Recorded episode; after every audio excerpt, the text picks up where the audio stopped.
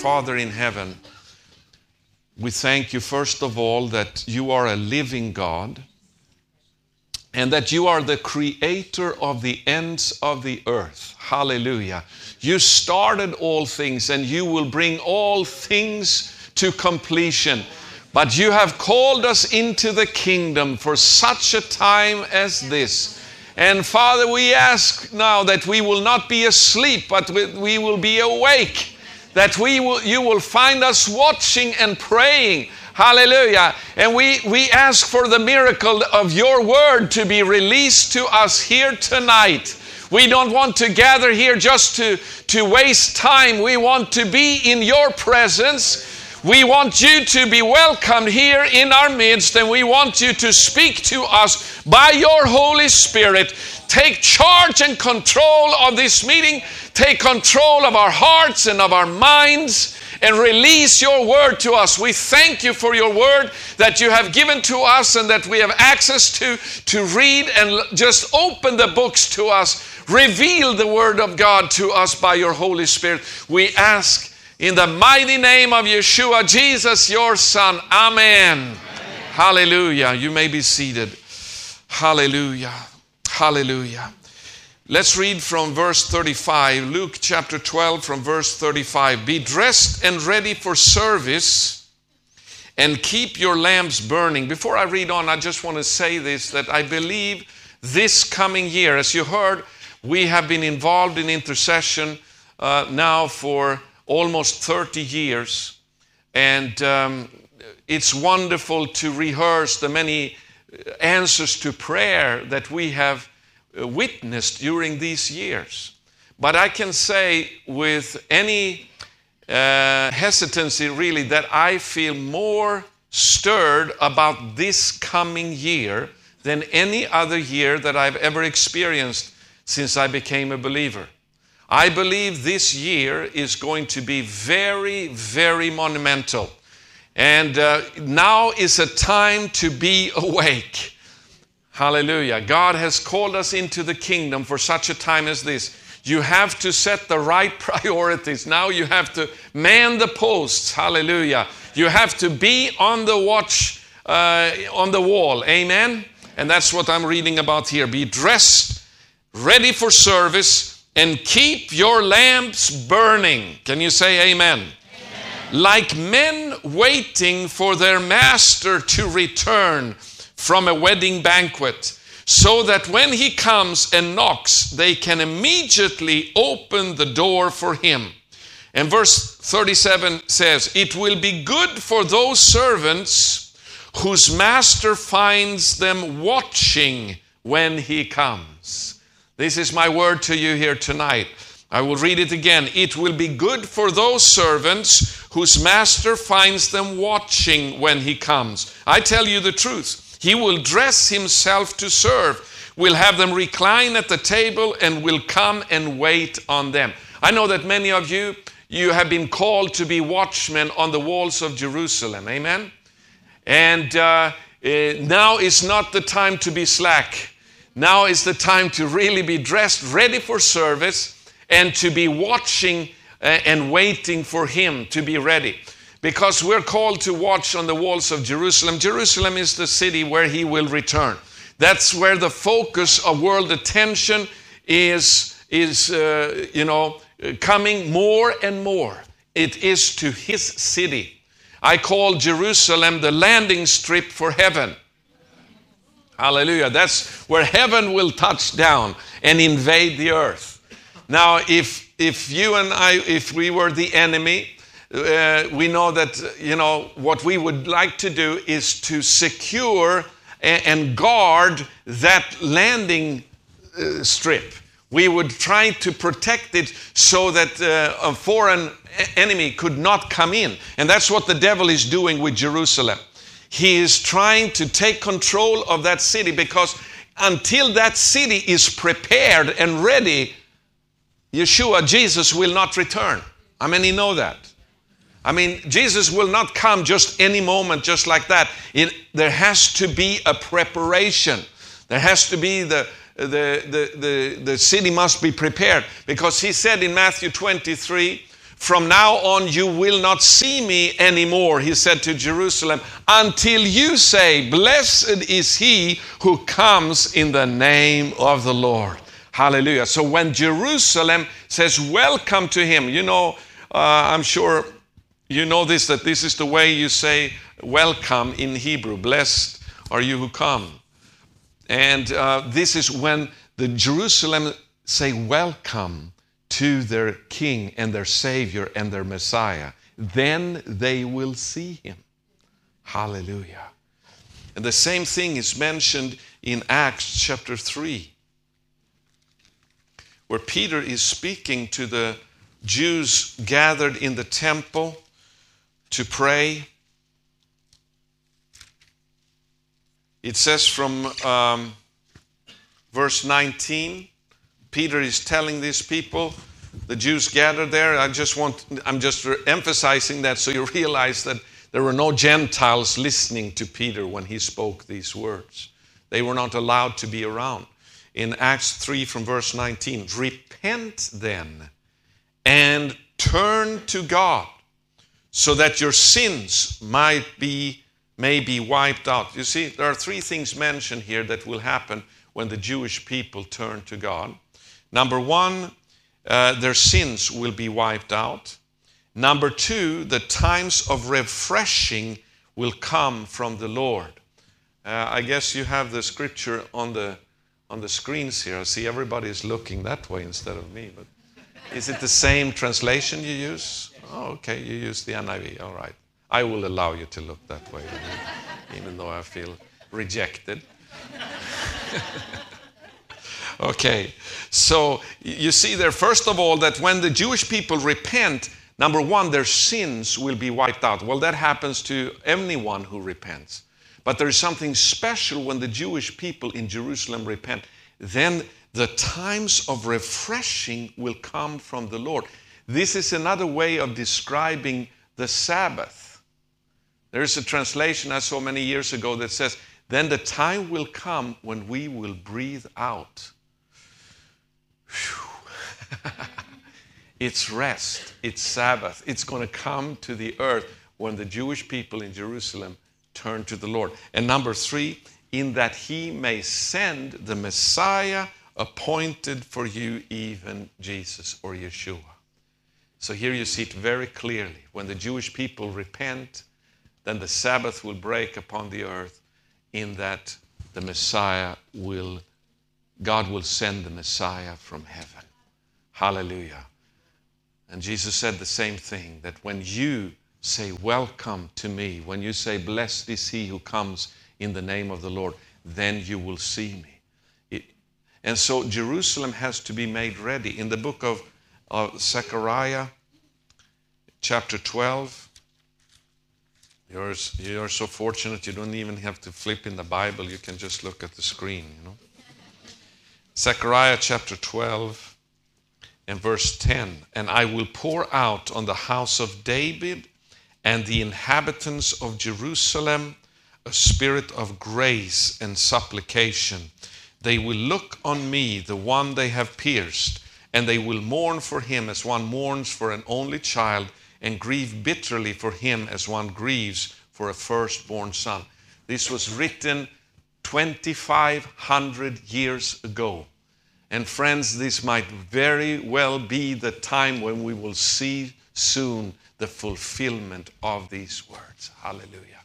And of course, this requires that the Jewish people will be in the city of Jerusalem. You see, that is, that is uh, necessary in order for the Word of God to be fulfilled. In order for Jesus to return, the Jewish people must be assembled in Jerusalem. Because there he has promised to pour out his Spirit upon them, and that's where they will look up unto him and mourn for him. So, what is the devil doing? He's doing everything he can to get the Jewish people out from that city.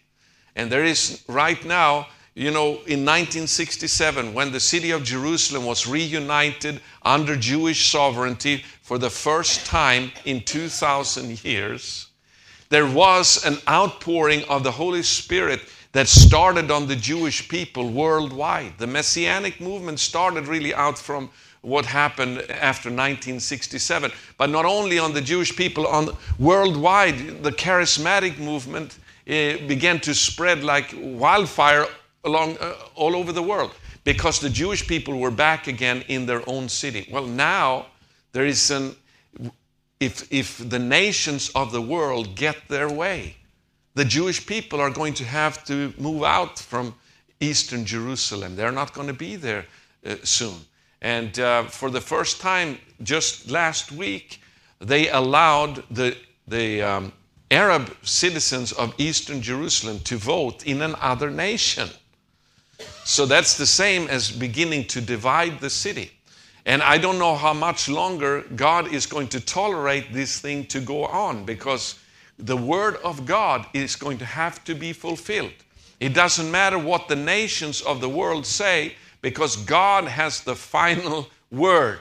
And, and heaven and earth shall pass away, but my words shall never pass away. So I believe personally that we're in for great trouble. And in the natural, we can point to many things.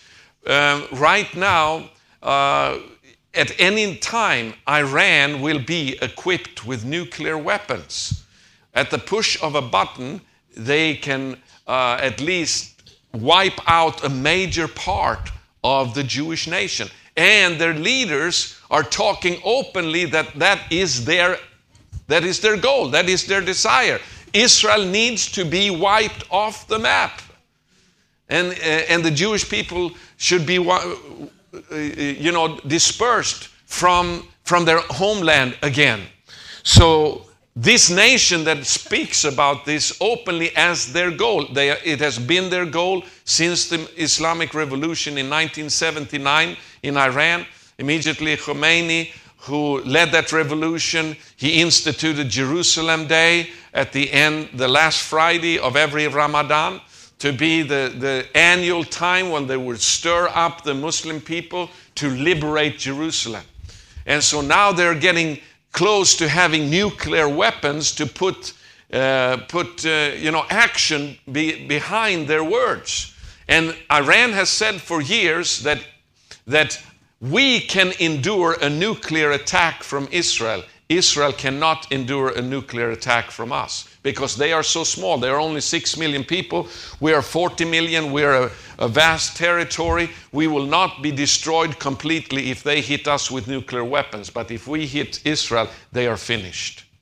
And so they have strategized for this, they have planned for this for decades. And they are soon uh, uh, having the weapons to fulfill their dreams. At the same time, we know in the elections that took place uh, last week, that um, uh, the Palestinians will be governed soon by a terrorist organization that has in their charter that they will absolutely not accept the Jewish state. Israel uh, must be destroyed.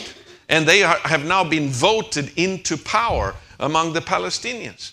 We have uh, the Hezbollah terrorist organization in the north, just a few miles from where we live which is today the most well equipped terrorist organization in the world with at least 15,000 rockets and missiles all ready to go. At the same time, Gaza has been uh, abandoned by the, by the Israeli army, and into that vacuum where there is no real government structure or anything, the, the, the terrorists have just flooded that area so that Gaza today is like a terrorist base uh, with weapons that have just poured in freely through the border from Sinai. Al Qaeda is positioned there, and they have declared that Israel is our next target. So um, the, the, the situation for Israel today looks very, very grim in the natural. But we know that ultimately it is God in heaven who is in charge. Hallelujah. Can you say amen to that? But God has always worked this way that when He wants to do something, He calls intercessors to pray. He will never work independently of intercession and prayer. And uh, you know, when God called me to prayer in 1977, one of the passages that he spoke to me from was Isaiah 62. Famous scripture. I'm just repeating basic things here, but Isaiah 62, let's look at this chapter if you want to go with me there.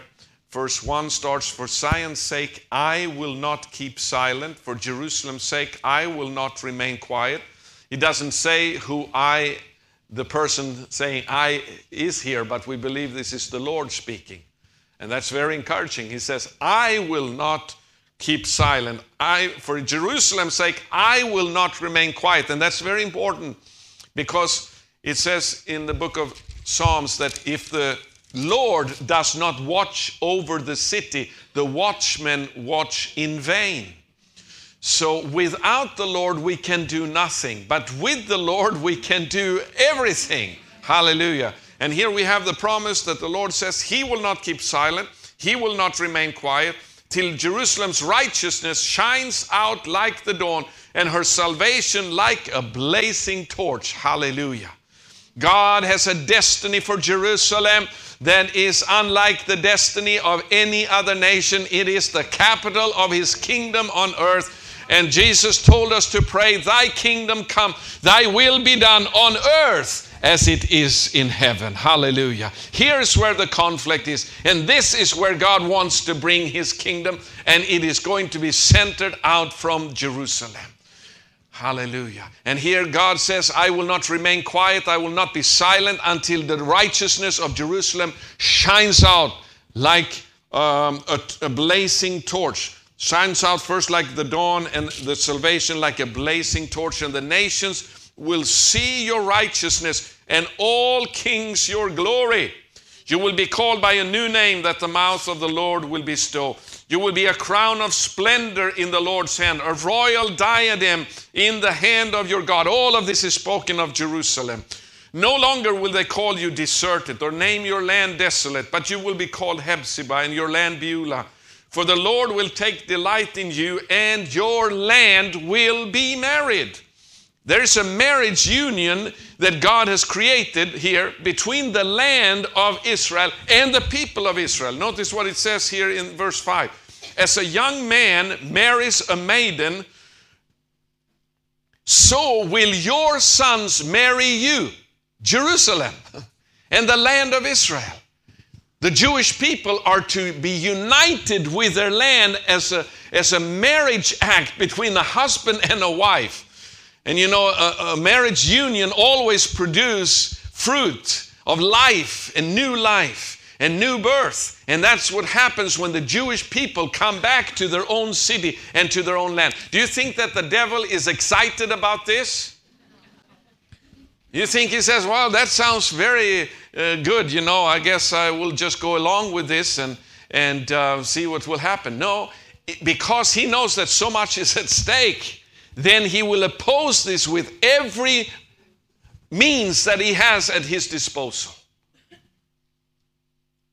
As a bridegroom rejoices over his bride, so will your God rejoice over you. Hallelujah. God will rejoice over his people's homecoming to their own city and to their own land. And every time, you see, when, when the land is extended, when the borders are extended, then God is glorified. But the opposite is also true. When the borders are diminished, then not only is it a, a, bad news for the people of Israel, it's bad news for the world. It's a principle in the Bible. Whenever it goes well for the Jewish people, it goes well for the world. Because God is happy. he rejoices over this union. But then it says in verse 6 in the midst of this uh, prophetic declaration that we have here about Jerusalem and the promise that God says He will not remain silent on this issue. Believe me, when God speaks, the nations shake. He has promised He will not remain silent. It doesn't matter what kind of elections they hold in the Middle East, it doesn't matter what the UN talk about. When God is speaking, the nations will tremble.